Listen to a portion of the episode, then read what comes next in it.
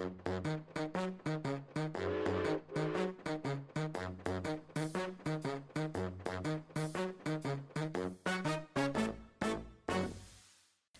alle sammen, og velkommen til Ekspedert. Jeg heter Ida, og i studio så har jeg med meg to kjekke karer i dag. Det er han Trond Blomli og han Jon Framnes. Velkommen til dere. Tusen takk, og hei på deg. Da får jeg også si tusen takk for at jeg får lov å komme inn på mitt eget kontor og her i studio.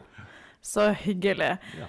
Jeg har leta fram en årbokartikkel, Trond, som handler om den første bestigninga av Kebnekaise, og så ser jeg i samme sleng at det er du som har skrevet den. Jeg leste denne artikkelen med glede, og nå har jeg lyst til å høre litt eh, mer om den. Denne artikkelen om han eh, Rabot den sto jo i årboka for 2019, altså eh, fjorårets årbok. I, Ja, I Narvik I og ja. i Skjomen. Ja. Eh, du sa Rabot, han heter jo Charles Rabot, ikke sant? Ja, eh, på fransk så er jo endingen eh, stum, slik at eh, Charles Rabot blir jo da navnet hans på fransk. Men hadde han vært en av våre, så hadde vi jo kalt han for Charles Rabot. eh, og eh, første gangen jeg ble litt sånn pirra på denne eh, typen, eh, det var i eh, 100-årsboka til Turistforeninga i Narvik. Der hadde hun Ellen Julin skrevet en artikkel om eh, folk som besøkte Ofoten i gamle dager for å gå på fjelltur. Og det var jo helt innafor Turistforeninga si historieskriving. Selv om ikke det fantes noen turistforeninger, så var det jo artig å ha med ei fjellhistorie fra gamle dager. Så da lurte jeg liksom på hvorfor var det en franskmann som måtte være den første som var på Sveriges høyeste fjell? Eh, Seinere så var jeg og gikk eh, tur i området rundt eh, Okstinnene nede på Helgeland. Men eh, det som var spesielt der nede med det var jo det at der fantes ei Rabot-hytte. Altså ei hytte oppkalt etter han Rabot. Han var der også. Ja, og det her var jo li- 500-hyttersjubileet til Turistforeninga, så det var hytte nummer 500 i Norge som skulle bygges der oppe i Okstinnene. Og de kalte den for Rabot-hytta. Og da lurte jeg på hvorfor gjør man så mye ære på denne typen? Og hva gjorde han der nede? Og så så jeg jo senere på kartet over Okstinnene at jaggu var det ikke en isbre som heter Rabot sin isbre hadde det her i bakhodet seinere, når jeg i de eh, mørke, hemmelige arkivene til NVE, som jeg var så heldig å snuble over, der lå det altså ei samling med gamle glassplater, altså glassfotografi fra fotoapparatets veldig tidlige tider. Og på de her glassplatene så var det altså motiv fra Nord-Norge. Mange fra Okstinnene, men også fra Skjomen. Og da ble jeg virkelig nysgjerrig. For jeg oppdaga det at et av de aller første bildene fra Skjomen var tatt av han Rabot. Og sånn var det at jeg begynte å grave litt. Og da fant jeg jo ut nok til å kunne skrive en artikkel om han Charles Rabot. Ja, og han er født i Frankrike, litt utafor Paris, var det sånn? Eh, 260 km sør for Paris, i Bourgogne-distriktet. I 26. juni 1856. Ja, det stemmer helt fint med denne artikkelen foran meg. Eh, men han utdanna seg til eh, jurist. Ja, han skulle bli advokat. Eh, og tok eh, juristeksamen, og var sannsynligvis også fått seg jobb som eh, jurist i et eller annet advokatfirma. Da han skjønte at denne jobben går jo faktisk ikke an å kombinere med det som jeg syns er artigst her i livet, nemlig å klatre i fjell. Så han hadde altså utdanna seg til en kontorjobb som kom til å være eh, milevis fra nærmeste fjell. Og når han eh, skjønte det her, at han hadde satsa på feil hest, så ga han ikke opp, men han skifta hest. Han hoppa rett over på et geografstudium og studerte både glasiologi og etnografi og eh, geografi. Så han ble altså en vitenskapsmann som hadde mye peiling på alt det som ikke var kartlagt i Nord-Norge. Men hvordan var det han fanga interessen for uh, Kebnekaise? Ja, egentlig så var hvite flekker på kartet var det han var nysgjerrig på. Og eh, når han eh, Og der kommer kartet til han Jon inn. Ja, du og Jon har jo et ganske fint kart eh, foran deg. Når er det ifra? Hvem er det sitt? Ja, jeg tror han heter P.A. Munch, han som laga det der kartet. Og det er vel vårt første ordentlige kart over Nord-Norge. Det er datert 1852. 1852. Og det er rett som du sier, at det er en god del hvite flekker på det her kartet. Ja, og særlig i indre Ofoten. Ja, Stort sett så ble kartene eh, først tegna langs kysten, der folk kunne seile. Og ja. inn gjennom fjellene så var det ikke så mange som eh, eh vandra og kunne samtidig tegne kart. Det var kanskje de som eh, drev med rein i Sverige, som førte, fulgte reinen over til sommerbeite på norsk side. Men utenom det var det vel kanskje ingen som hadde noe interesse av å gå i fjellet. Og samene de visste jo nøyaktig hvor de skulle gå. Så de trengte jo i hvert fall ikke kart. Vi har jo de første kartene fra Olaus Magnus som viser de nordre områdene der det er mer mytiske figurer, figurer og antagelser hvordan det er lenger inn. og hekser og ormer og drager og sjøuhyrer og monstre. Det er det som befinner seg der hvor det i dag er hvite flekker.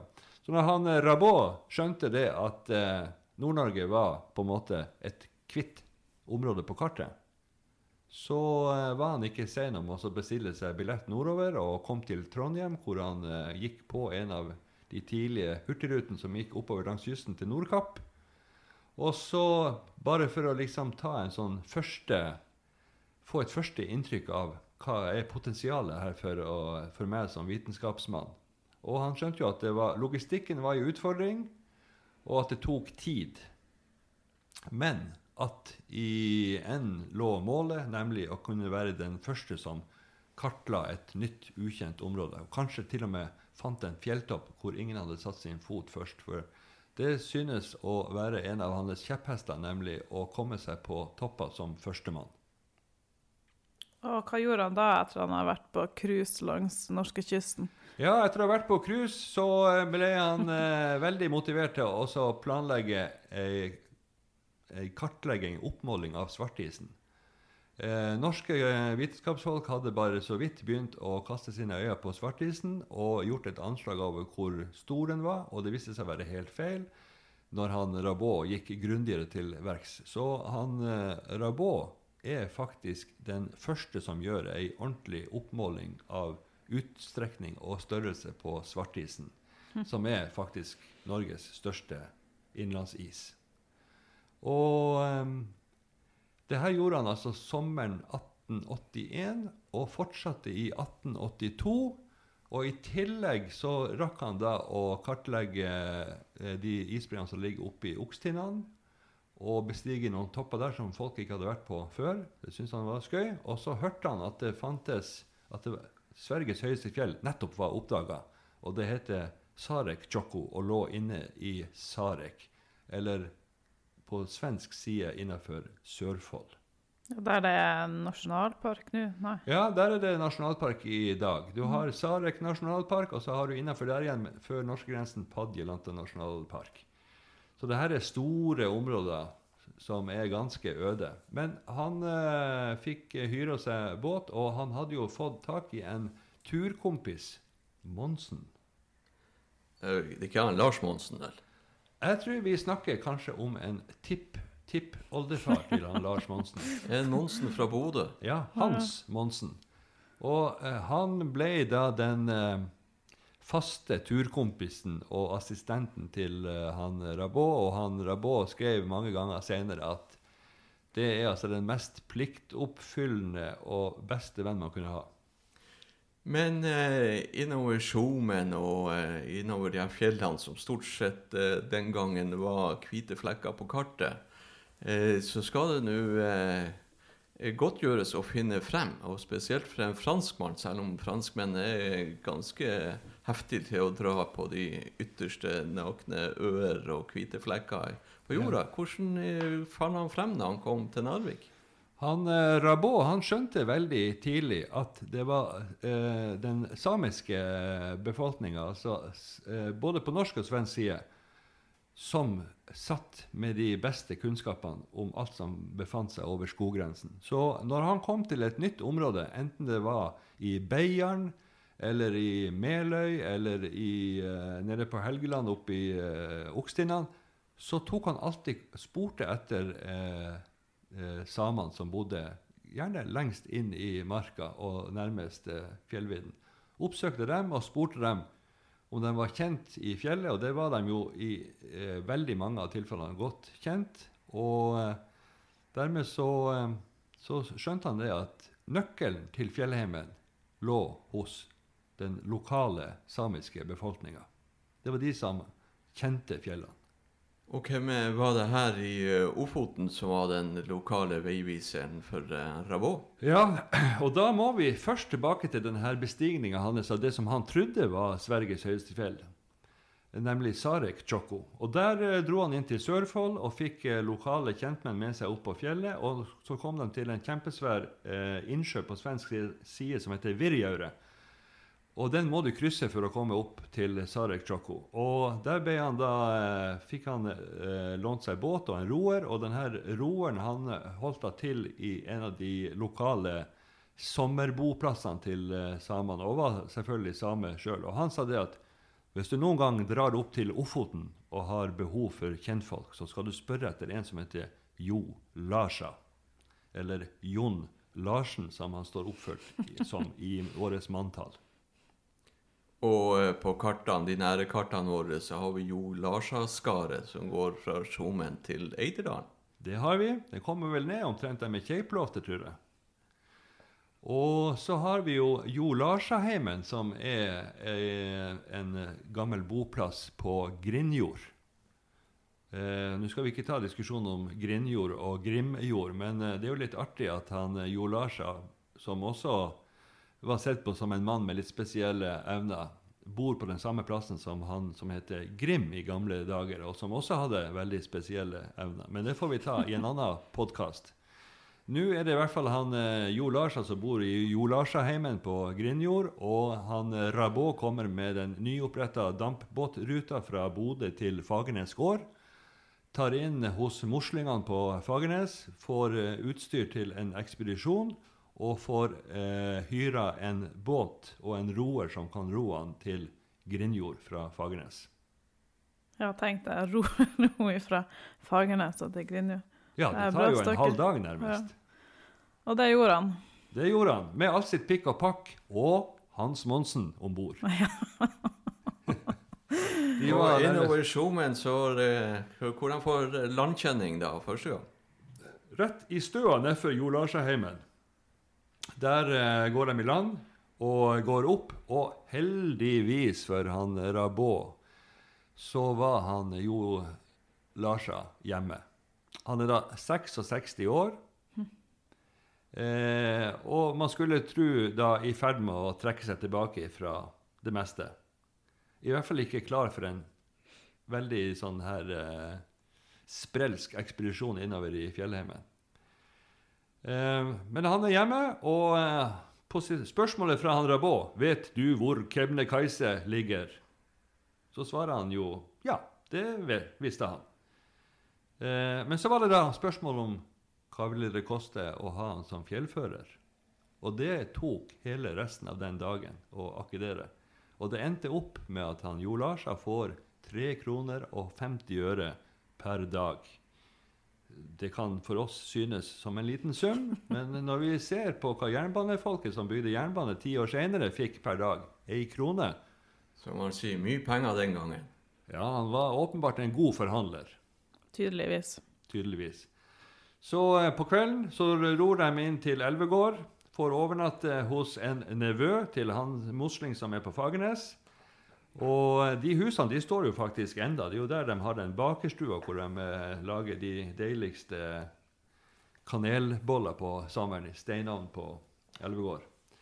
Så tar han et par bilder. Han tar et bilde av frostisen. Han elsker jo isbreene. Så tar han et bilde den andre veien ut fjorden. Og så neste dag så får de låne seg hest og kjerre, og så eh, følger de den her franske veien som går fra Elvegård, og som ble bygd på 1860-tallet opp til Sjangli gruver, opp til Bogholm. Og på Bogholm så traff de han Per Abrahamsson.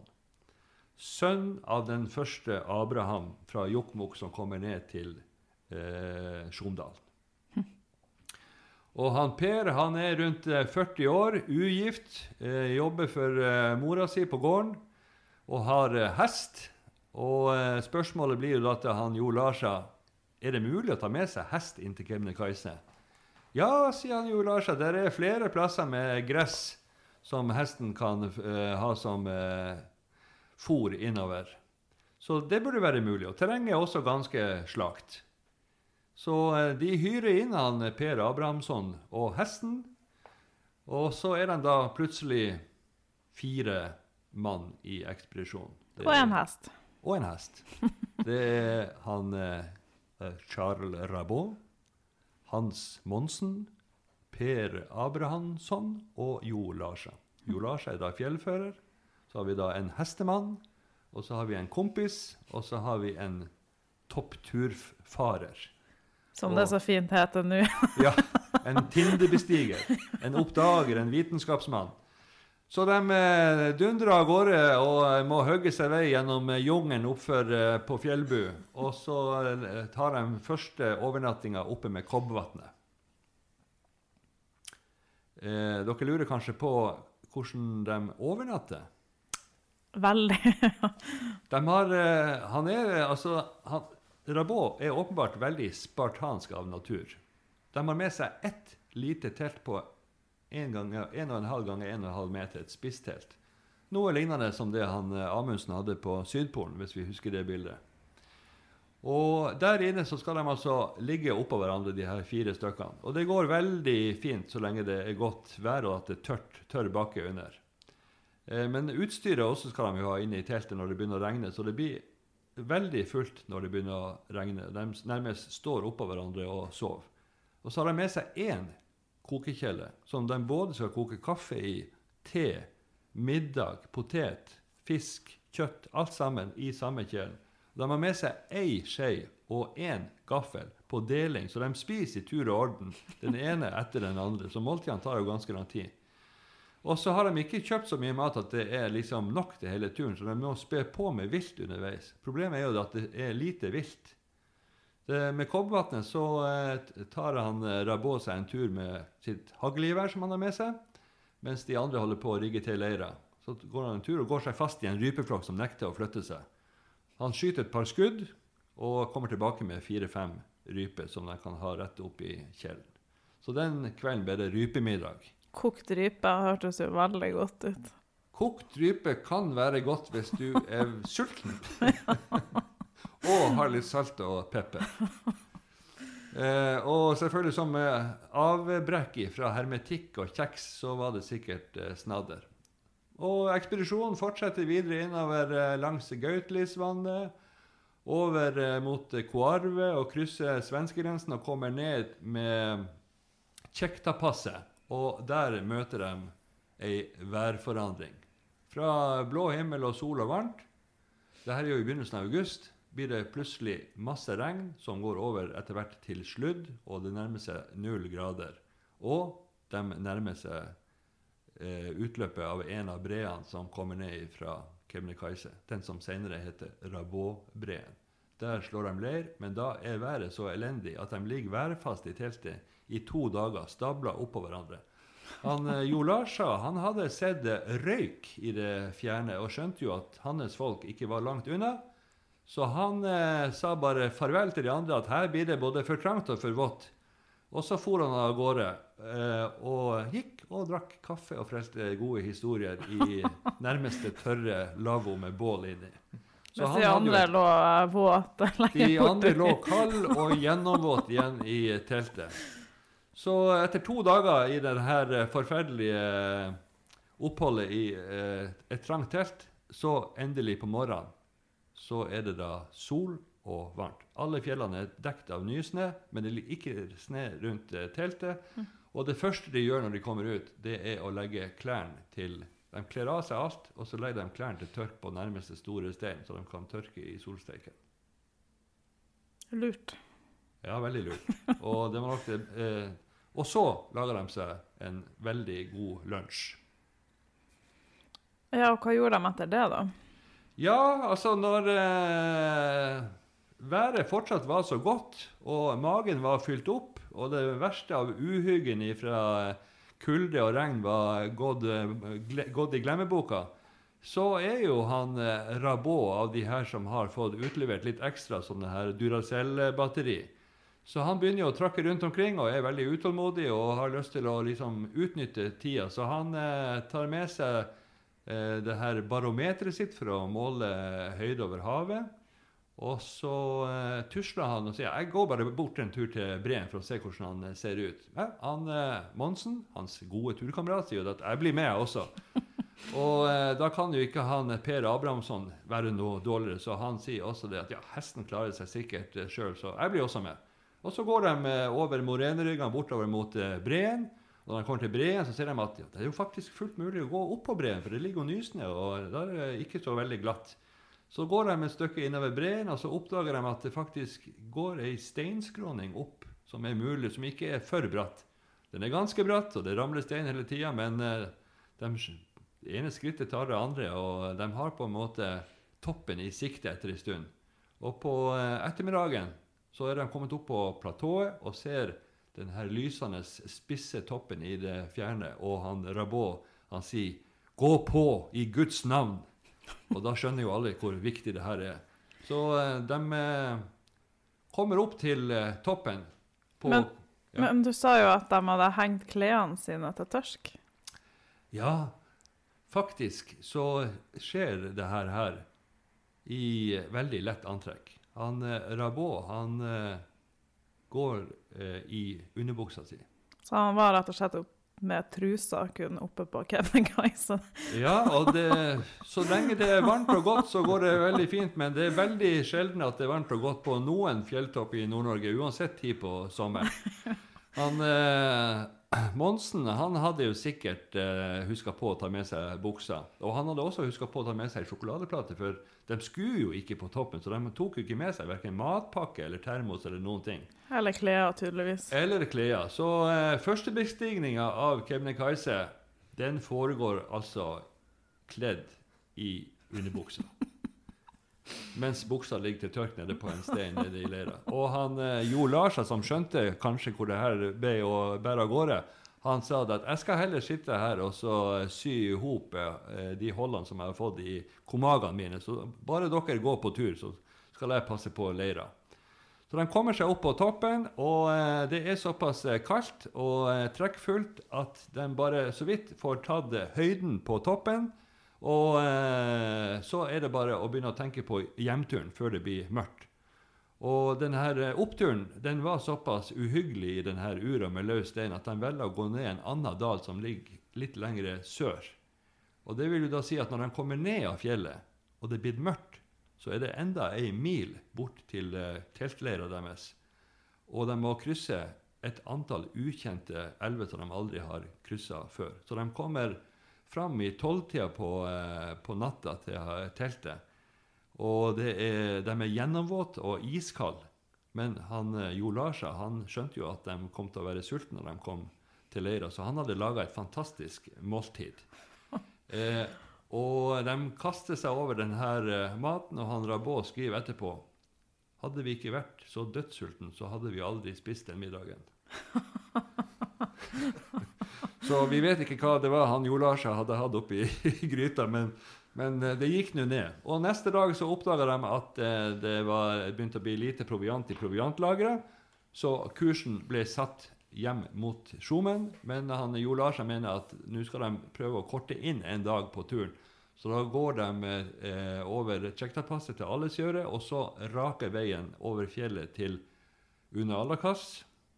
Og så videre nedover Norddalen i Skjomen, forbi Konjør og videre nedover. Og han eh, Rabot beskriver regn hver eneste dag og masse dype elver som må forseres, slik at de er mer våt enn tørr når de kommer ned til eh, Bogholm og endelig får tak over hodet.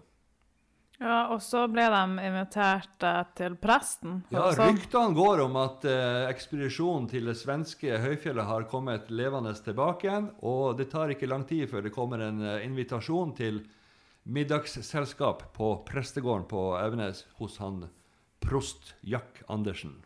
Ja, tenkte. Men det tok eh, faktisk en stund før han, eh, Charles Rabot annonserte det her til omverdenen, gjorde det ikke det? Ja, det tok ca. 15-16 år før han skrev sine memoarer om sine ekspedisjoner på eh, Nordkalotten, eh, og fikk eh, gitt den ut i Paris. Og når svenskene, som hadde gått opp på Kebnekaise på 90-tallet, leste det her, så skjønte de jo det at det var jo ikke vi som var først på Kebnekaise. All ære forsvant. Det hadde vært en franskmann der ti år før. Ja, tenkte. Ja, tenk det. Det var en strek i regninga, kan man si. For eh, den første svensken på Kebnekaise, han eh, Det var jo noen ungdommer som uh, starta helt ifra kysten på svensk side. Og det var jo veldig mye ødemark å passere før du liksom kom opp til Kebnekaise. Så de, de besteg den etter det som er på en måte normalruta, den ruta som man følger i dag når man går fra Kebnekaise fjellstasjon opp på toppen. Her er jo ei eh, fantastisk historie å ta med seg når jeg skal legge ut på min lille miniekspedisjon opp til Kebnekaise i, eh, i påsken. Ja. Jeg kommer nok sikkert til å innkvartere meg på Høyfjellshotellet på Kebnekaise. Da, skal, da er det én ting du skal se opp for. Det er kreksjukene. Skal passe meg for kreksjukene. Eh, skal ta med meg samme matpakken som han Jo Lars har servert. God mat må man ha på tur. Hvorvidt om at jeg kommer til å gå opp dit i bare underbuksa, det får jeg nå se. En vinterbestigning i trusa på Kebnekaise, Kan, kanskje. kanskje vi kan ønske oss et bilde fra toppen av han Jon i underbuksa. Vi får se på det. Vi har nå hørt eh, han eh, Trond Blomli har eh, levert en glimrende historie fra gamle dager. Står skrevet om det her i årbøker. Eh, vi sier tusen takk til deg, Trond Blomli. Vi kommer til å høre deg igjen i neste episode av Ekspedert. Vi takker for lytterne at dere ville på, høre på oss i dag òg, og velkommen tilbake.